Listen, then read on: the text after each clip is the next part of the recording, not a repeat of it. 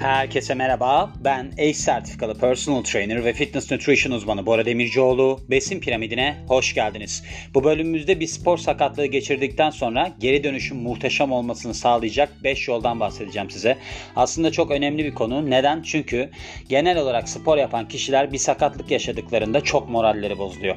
Çevremde bu tip olaylar bu sıralar çok dönüyor. Ben bunlarla ilgili olarak çok konuşmalar yapıyorum. İnsanların durumlarını gözlemliyorum. Kendimden de yola çıkıyorum. Aramızda farklar olduğuna karar verdim.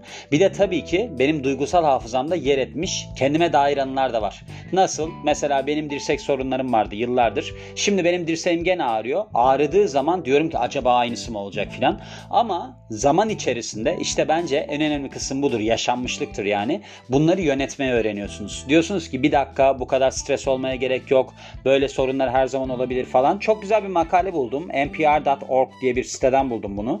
Yani aslında bu içerik olarak önemli mi değil mi filan konusu çok benim umurumda değil de şey önemli. Burada şimdi şeyden bahsediyor. Hani siz aktif bir spor yaparken ardından bir diz sakatlığı işte ne bileyim bir ağrı sebebiyle filan uzaklaşmanız spordan nasıl etkiler gösterir vücudunuzu onu anlatıyor. Ve burada demiş ki bu hem mental olarak yani hem zihinsel olarak hem de fiziksel olarak son derece zorlayıcı olabilir. Şimdi şöyle bir şey var.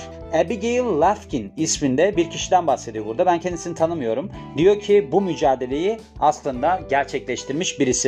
Kimmiş bu? Amerikan binicilik takımında yer almış bir kişiymiş. Yani şöyle aslında bunda yer alabilmek için çalışmış birisiymiş. Ancak buna çalışırken pek çok kez köprücük kemiğini kırıyor ve ardından da 2000 yaz olimpiyatlarında atı sakatlandığı için köşede oturmak zorunda kalıyor. Yani bu kadın yarışmış mı, yarışmamış mı, ne olmuş onu bilmiyorum. Ardından bir maraton koşucusu oluyor ve bisikletçi oluyor. Yani böyle bir müsabık bisikletçi oluyor ve diyor ki ben bunları yaparken çenemi kırdım. Bununla beraber dağ bisikleti yaparken de neredeyse tüm yüzümü dağıttım. Ama her zaman geri dönmenin bir yolunu buldum ve geri döndüm diyor. Şimdi şöyle olmuş. Bu kadının geri dönüşü yani bir spor psikoloğuyla çalışmış. Yani ondan etkilenmiş ve ardından da demiş ki ben bu psikolojiyle ilgili olarak, spor psikolojisiyle ilgili olarak kendim uzmanlık alayım. Los Angeles'ta bununla alakalı olarak da bir yer açmış devamında falan filan. Bunlar çok önemli değil. Şimdi diyor ki o bir sakatlık aslında sizin vücudunuzda ilk başta şöyle bir etki yaratıyor. Diyor ki ben ne yapacağım mahvoldum bu benim için çok büyük bir hüzün kaynağı. Ve işte tabii ki sakatlık gelişince siz mobilitenizi kaybediyorsunuz, dinlenmek zorunda kalıyorsunuz, işte ağrı kesiciler alıyorsunuz, rehabilitasyona gidiyorsunuz falan. Aslında sizin rutininiz yani spor rutininiz hiç ummadığınız bir şekilde 180 derece dönüyor. Siz hiçbir şey yapamıyorsunuz ve ardından da iyileşmeye çalışıyorsunuz. Şimdi beyninizin bu durumlarda verdiği yanıtlar var. Onlar önemli. Ne gibi yanıtlar veriyor? Mesela şunu düşünmeye başlıyor. Ya ben onu keşke yapmasaydım. Ben onu nasıl yaptım filan. Şimdi benim çok yakın arkadaşım var. O bana geldi. Bana geldikten sonra denge tahtası var. Bu keyboard denilen bir şey var. Yani ismi o şu anda. Onun bir sürü adı var da. Ben dedim ki ona bak dedim o çok fena kayar düşersin sakın dedim üstüne çıkma. Yok dedi bende de var çıkarım filan. Fakat onun birkaç versiyonu var. Bazılarının altında denge tahtasının altında takozlar var siz kayıp düşmeyin diye. Benimki profesyonel olduğu için yok. Dedim ki bak dedim onu yapma filan. Neyse yaparım ederim filan derken birden köşesine bastı. Dedim ki sakın öbür tarafına basma. Sanki benim dememe inadına yapar gibi bastı, kaydı ve bileğini kırdı. Elinin bileğini kırdı. Elinin bileğini kırdıktan sonra hep şunu söyledi kendine. Ya ben neden çıktım onun üstüne? Neden öyle yaptım? Neden bastım? Ben dedim ki ya bunları düşünme. Bu oldu artık. Yani olmuş bir şey düşünme. Bakın bu çok önemli bir noktadır. Mesela ben de dirseğim sakatlandı geçenlerde. Yani bundan bir herhalde 6 ay falan oldu. Çok oldu. Hayatıma bir engel değil. Şöyle ben ilk başlarda şunu düşündüm. Ya ben o barbell curl'ü niye o kadar ağır kilo ile yaptım ki filan. Ama ben eskiden olsa sürekli bununla takılırdım böyle davranırdım falan filan. Sonrasında dedim ki ya tamam çok önemli değil. Yani demek ki o barbell curl'ü yapmayacağım. Ben hareketlerimi değiştireceğim. Grup derslerinde çok daha etkili hareketler geliştirdim benim sakatlığım sebebiyle. Yani sakatlığınız aslında sizi bir yere götürebilir. Benim sonraki kaygım ne oldu? Ya ben derslerde nasıl hareketi göstereceğim? E, onunla ilgili de bir sorun olmadı. Aslında genellikle beyninizde kurduğunuz şeyler oluyor. Ha tabii ki siz milyon dolarlar kazanan bir basketbolcusunuzdur, bilmem necesinizdir. Onunla ilgili olarak da zaten size yok ameliyat ettirirler, yok bilmem ne yaparlar. O zaman da standartlarınız değişir. Ama siz vücut geliştirmeyle ilgilenen birisisinizdir. İşte kendiniz hobi bazında spor yapıyorsunuzdur. Bu tarz şeylerde beyninizi kontrol etmeyi öğrenin. Yani sürekli bunu sormayın kendinize. Ya ben neden böyle oldum, neden şöyle oldum falan diye. Yani ve de şöyle bir durum var. Mesela demiş ki burada bu kadın yine kendisi hani köprücük kemiğini kıran var ya 20 yaşından sonra oluyorsa bu tarz sakatlıklarda şöyle düşünmeye başlıyorsunuz. Acaba bundan sonra her şey kötüye mi gidecek? Yani 20 yaş hani böyle sporcular için çok önemli bir yaş ama bakın ben size bir şey söyleyeyim mi? Benim kolumun içinde de dövmesi vardır. Daima genç. Her zaman kendinizi daima genç hissedin. Onun üzerine gidin. Beslenmenize dikkat edin, sporunuza dikkat edin. Ama şu değil yani. Aman şu oldu ben artık bitirdim falan. Bitirme diye bir şey yok. Sadece dönüşebilir. Yani siz onu yapamazsınız. Pilates yaparsınız. Mesela benim pilatese başlangıcım yine böyle bir sakatlık sorunu sebebiyle olmuştu biliyor musunuz? Yani ilk ben eğitim almaya gittiğimde bana demişler ki pilates nereden çıktı? Çünkü yani vücut geliştirmeyle uğraşan birisiydim ben bundan işte 8 sene önce falan galiba. Orada dedim ki benim çok sakatlıklarım var. Herhalde dedim pilatesle düzelir filan. Yani öyle bir şeyden başlamıştı. Sonra ben pilatesi çok sevdim. Yani pilatesi o kadar çok sevdim ki mesela ben federasyondan pilates uzmanlığı aldım. Yani kademem benim pilates üzerinde. Şeyde değil vücut geliştirme değil. Çünkü vücut geliştirme yani benim hoşuma giden bir şey değil. Ben o kitleyi de sevmiyorum. Aslında spor tipini de sevmiyorum. Hani böyle ağırlıklar deliler gibi çalışma falandan bahsediyorum. Hani böyle bas bas bas bağırır böyle tuhaf tuhaf şeyler olur ya. Onlardan bahsediyorum. Ondan hoşlanmıyorum. Şimdi burada size tavsiyelerde bulunmuş. Yani burada 5 tane tavsiyeden bulunmuş. İlk önce demiş hislerinizi anlayın. Şimdi şu var. Bu iyileşmede birinci adımlardan bir tanesi aslında hislerinizi anlamak.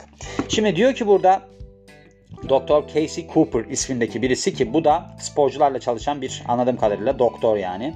Şöyle diyor. Eğer ki sizin vücudunuzda böyle bir stres bazlı hormonlar artmaya başlarsa bunlar ne mesela? İşte insanlar hep stresle alakalı şey derler mesela işte adrenalin falan derler. Aslında kortizoldür burada önemli olan. Kortizol ne? Stres hormonu. Bu sefer ne oluyor? Şimdi diyelim ki siz negatif düşünceler içerisindesiniz. Endişe duyuyorsunuz. İşte acaba ne olacak diyorsunuz. Böyle bir hüzünlüsünüz yani mutsuzsunuz. O zaman ne oluyor işte kortizol seviyeleri artmaya başlıyor vücutta. Kortizol ne? Stres hormonu. Stres hormonu artarsa ne oluyor? Aslında sizin kan dolaşımınıza bu sefer enflamasyon artırıcı şeyler karışmaya başlıyor. Ne diyeyim işte kimyasallar karışmaya başlıyor. Enflamasyon artmaya devam ediyor. Enflamasyon arttıkça da bu sefer sizin iyileşmeniz zorlaşıyor. Çünkü enflamasyon sürekli artıyor. Yani böyle bir sorununuz bile olsa her zaman zihin yapınızı pozitifte tutmanız lazım. Başka türlü olmaz. Mesela Ronnie Coleman var. Bilirsiniz eğer vücut geliştirmeyle uğraşan birisiyseniz. O zaman dersem 8 kez üst üste Mr. Olympia oldu. Adam 400 kiloyla squat yaptı bilmem ne yaptı. Bakın adam şu anda yürüyemiyor. Hala böyle bir esprili halde işte hayata tutunmaya çalışıyor. İşte spor yapıyor filan ama yürüyemiyor. Yani baktığınız zaman yürüyemiyor. Ama o pozitifliği aslında 15 milyon dolar kazandıran bir şey var onun markası var. Ona çok katkı sağladı. Çünkü neden yeah body bilmem ne gibi lafları vardı onun. Oradan insanlar onu sevdiler. Birini sevdikleri için de onun ürünlerini alıyorlar. Çünkü Ronnie Coleman Signature Series diye bir şey çıkardı. Protein bilmem ne ürünleri çıkardı. E şimdi tutuyor. Yani aslında PR'ını iyi yapıyor olsaydı. Şöyle başka bir maddeden bahsediyor. Kendinize farklı bir hikaye yaratın denilmiş. Şimdi şu var. Sizin eğer ki böyle bir sakatlığa yaklaşımınız olumlu olursa dönüşü de olumlu olacaktır. Yani kendinize sürekli olarak şeyden bahsetmeyin. İşte ya ben bunu yapmasaydım keşke. Ya şöyle yapmasaydım keşke. İşte acaba bir daha olur mu? Sürekli bir daha olur mu kısmına gelirseniz mesela şöyle bir durum varmış. Araştırma varmış son zamanlarda yapılan. Mesela eğer ki bir kişiler bir kişi kalp krizi geçirdiyse ve aile tarihinde, aile hikayesinde de kalp krizi varsa ve sürekli ya ben tekrar geçirsem diyorsa o zaman kalp krizi geçiriyormuş birkaç kere. Ama tam tersini yapan kişilerde bu olmamış. Daha az kalp krizi hata olmuş. Yani bir daha geçirme ihtimalleri düşmüş. O açıdan ona bakmanız lazım. Yani sizin böyle bir negatif düşüncelerinizi şey yapmanız lazım. Pozitife çevirmeniz lazım. Yoksa olmaz bu iş. Her zaman döngü içerisine gidersiniz. Ve şu anda mesela bu makaleyi yazan kişiden bahsediyor. Benim bir diz problemim var diyor. Bu adam şeyden bahsediyor. Böyle bir competitive stair climbing yani böyle müsabık merdiven tırmanıcılığı diye bir yarışmadan bahsediyor. Orada bir yarışçıymış yani. Ve vücudum işte yıllar içerisinde tabii ki isyan etmeye başladı. Ve bununla alakalı olarak da demiş benim dizimde sorun çıktığı için spor yapamamaya başladım. Ağrısız işte dolaşamıyordum filan ve demiş ki yani ben bununla alakalı olarak ne yapacağımı bilemedim. Hani ne gibi bir sorun olabilir diye düşündüm. Yani ne gibi bir çözüm olabilir diye düşündüm ama ne yapacağımı bilemedim. İki tane seçeneğim vardı. Bunlardan bir tanesi işte benim hatam olduğunu düşünmek, bu sakatlığın bitmeyeceğini düşünmek falan. Diğeri ise işte bir fizik fizik ne fizik te- tedaviye gidip orada sorunumu çözdürmek. Ben de bunu yaptım diyor. Arkadaşlarınıza güvenin başka bir madde. Bakın şöyle 6 ile 12 ay depresyon falan yaşayan kişilerde sakatlık süresi değişmiş. Yani 6 ile 12 ay arasında. Ve bunların hiç sosyal destekleri falan yokmuş. Yani sosyal destek derken böyle kendisine destek olan insanlar, motivasyon sağlayan insanlar falan yokmuş. Diğerlerine göre süre buymuş. Bu başka grupta yarısına inmiş bu süre. Yani eğer ki insanlara işte motive eden insanlar falan varsa işte ya takma düzelir falan diyen insanlar varsa öyle olur. İşte burada herhalde bu şey zamanda yazılmış. Korona zamanda yazılmış. Bu zamanlarda zor ama gene de yapabilirsiniz falan diye. Kendinize zaman verin. Şimdi şu var. Bu çok enteresan bir durum ve bu bence önemli de bir başlık. Bununla beraber bitiriyor mu? Ha yok hayır bir tane daha var madde. Şimdi şöyle burada bir araştırmadan bahsediyor. Yaşlandıkça insanlar tabii ki iyileşme süreleri de düşüyor. Düşüyor derken yani zorlaşıyor. İyileşmeleri zorlaşıyor. 45 yaşındaki kişilerde 30 yaşındakilere kıyasla aynı sorun bile olsa iyileşme süreleri %15 ile %18 arasında uzamış. Yani öyle bir zorluğu var. Şimdi bir de insanlarda şey gelişiyor. Kendine zaman vermek yerine böyle bir sihirli çözüm arayışları. Bende de oldu. Mesela bu şeyler var ya kinesiyoloji bantları var. Böyle voleybolcularda falan görürsünüz her taraflarına yapıştırır. İşte ben mesela onu yapıştırayım dedim ilk önce. Hatta onun bayağı eğitimini aldım. Onu öğrendim. Hani o vesileyle onu da öğrenmiş oldum diyeyim. Yapıştırdım ben bunu ama şunu düşünüyordum hep. Ya ben bunun işe yarayacağına pek inanmıyorum. Çünkü ben araştırdım işte eskiden normal bant yapıştırıyorlarmış o konforlu olmadı diye işte şey yapıyormuş. Yok epidermis tabakasını kaldırıyor oraya kan dolaşımı gidiyor falan. Ya ben içimde inanmadım buna. Ben mesela bununla beraber şeye de inanmıyorum. Hani anti-enflamatuarlar falan var ya ağrı kesiciler. Onların benim işte ağrımı keseceğini falan. Size şöyle söyleyeyim hiçbirisi işe yaramadı. Ama dün ben bir arkadaşıma işte ağrı bandı yaptım. Dedi ki aa dedi hemen geçti ya. O çünkü çok inandı ona. Ben bunların plasebo etkileri olduğuna inanıyorum. Böyle bir çözüm yok yani. Hemen böyle gelişecek, hemen geçecek filan. Yani şunun gibi mesela şeyler var ya işte 3 ayda ana diliniz gibi İngilizce konuşmayı öğretiyoruz. Hiç görmedim ben 3 ayda ana dili gibi konuşan insan. Yani yok böyle bir şey. Neden yok? Ha, önceden dil biliyordur. Olayı odur mesela. Birkaç tane dil biliyordur. Başka dilleri kolaylıkla öğrenebilir. Hani 3 ayda belki onda olabilir. Ama adam hiçbir şey bilmiyor. Türkçeyi bile tam bilmiyor. İngilizceyi 3 ayda öğrenecek. Ya mümkün değil bunlar.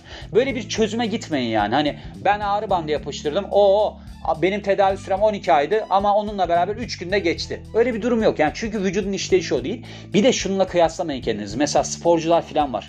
Adam bilmem nerede sakatlık geçiriyor. 3 ay sonra pat diye yine maça çıkıyor. Şimdi bu adamlar zaten genetik olarak özel insanlar. Adam mesela gidiyor 20 milyon dolarlık transfer alıyor. Sen alıyor musun? Oldu mu öyle bir şey? Olmadı. E olmadığına göre demek ki sende onun gibi bir genetik yapı yok. Ya da işte vücut anatomin ona uygun değil. Başka sorunların var. Yani insanların hepsi steroid kullansa hepsi Mr. Olympia mı olacak? Öyle bir şey yok işte. Onların da hepsi kullanıyor steroid mesela. En uç örneğini vermem gerekirse. Adam vücut geliştirme yarışmasına katılıyor. Hepsi deli gibi steroid alıyor. Bir tanesi kalp krizi geçirip ölüyor. Sonunda hepsi 50'lerinde ölüyor da. Bir tanesi 20'sinde ölüyor, bir tanesi 50'sinde ölüyor. Ama bir tanesi yarışma kazanıyor, bir tanesi kazanamıyor. Yani Ronnie Coleman demin de bahsettim size. Ronnie Coleman işte o zirvedeyken 400 kilolarla falan çalışıyordu. Adamın o sıralarda bayağı kalıtsalmış zaten durumu. Kalça ile ilgili sorunu varmış ve omurgasında fıtık varmış. Ona rağmen yani bu tarz yarışmalar kazanmış kaç sene boyunca. Ama ne oluyor? Vücut bir süre sonra yaşlandıkça tabii ki deforme oluyor. Bütün sorunları yaşamaya başlıyorsunuz. Ama şunu demek istiyorum. Yani kendinizi kalkıp da voleybolcuda ağrı bandı var. Aa ben bundan yapıştırayım. Crossfitçide ağrı bandı var. Ben bundan yapıştırayım. Spora devam edeyim diye şartlamayın. Çünkü sizin vücudunuz farklı. O kişilerin vücutları onlar dünyadaki birkaç kişi. Onlar onu yapana kadar bir kısmı zaten çok büyük bir kısmı hatta eleniyor. Neden sakatlanıyor devam edemiyor. Buna dikkat edin yani. Aa o öyle olmuş ben de yaparım falan diye kafaya girmeyin. Ondan sonra çok daha büyük sorunlarla karşılaşırsınız. Kendinize zaman vermeniz lazım. Yeni bir şey deneyin demiş son madde olarak. Bakın demin bahsettiğim şey gibi işte bu hani demin köprücü kemiğini kıran kadından bahsetmiştim ya. O işte onu kırdıktan sonra bisiklete binmeye başlamış. Hani dedi ya sonra ben köprücük kemiğimi kırdıktan sonra işte bisiklet yarış profesyonel bisikletçi falan oldum diye herhalde oradan çıkmış. Ne oluyor işte benim bir kalori yakmam gerekiyordu demiş. Onunla alakalı olarak da işte bisiklete binmeye falan başladım. Bu adam da hani dizinde sakatlık yaşamış başlamış ya. O da pilates denemeye başlamış. İşte çok keyif alıyorum falan diye. Demin de bahsettim ben size. Her sakatlık yaşadığınız her sakatlık eğer ki kafanız açılmaya müsaitse çok büyük şeyler katar size. Bakın ben dirsek sakatlığını yaşadıktan sonra tendon yapışma noktalarını tekrar ele aldım. İşte insertionları, ne bileyim orijinleri filan o noktaları çok iyi araştırdım. Çok iyi şeyler öğrendim. Özellikle antrenörseniz bence zaten sakatlanmanız çok büyük bir artı. Çünkü sakatlanıyorsunuz. Ondan sonra ne oluyor? Yeni egzersizler denemeye başlıyorsunuz. İşte hareketlerdeki yoğunluğu düşürmeye başlıyorsunuz. Eğer ki birisi sakatlanırsa empati kurmanızı kolaylaştırıyor. Mesela bana geliyorlar diyorlar ki benim dizim ağrıyor.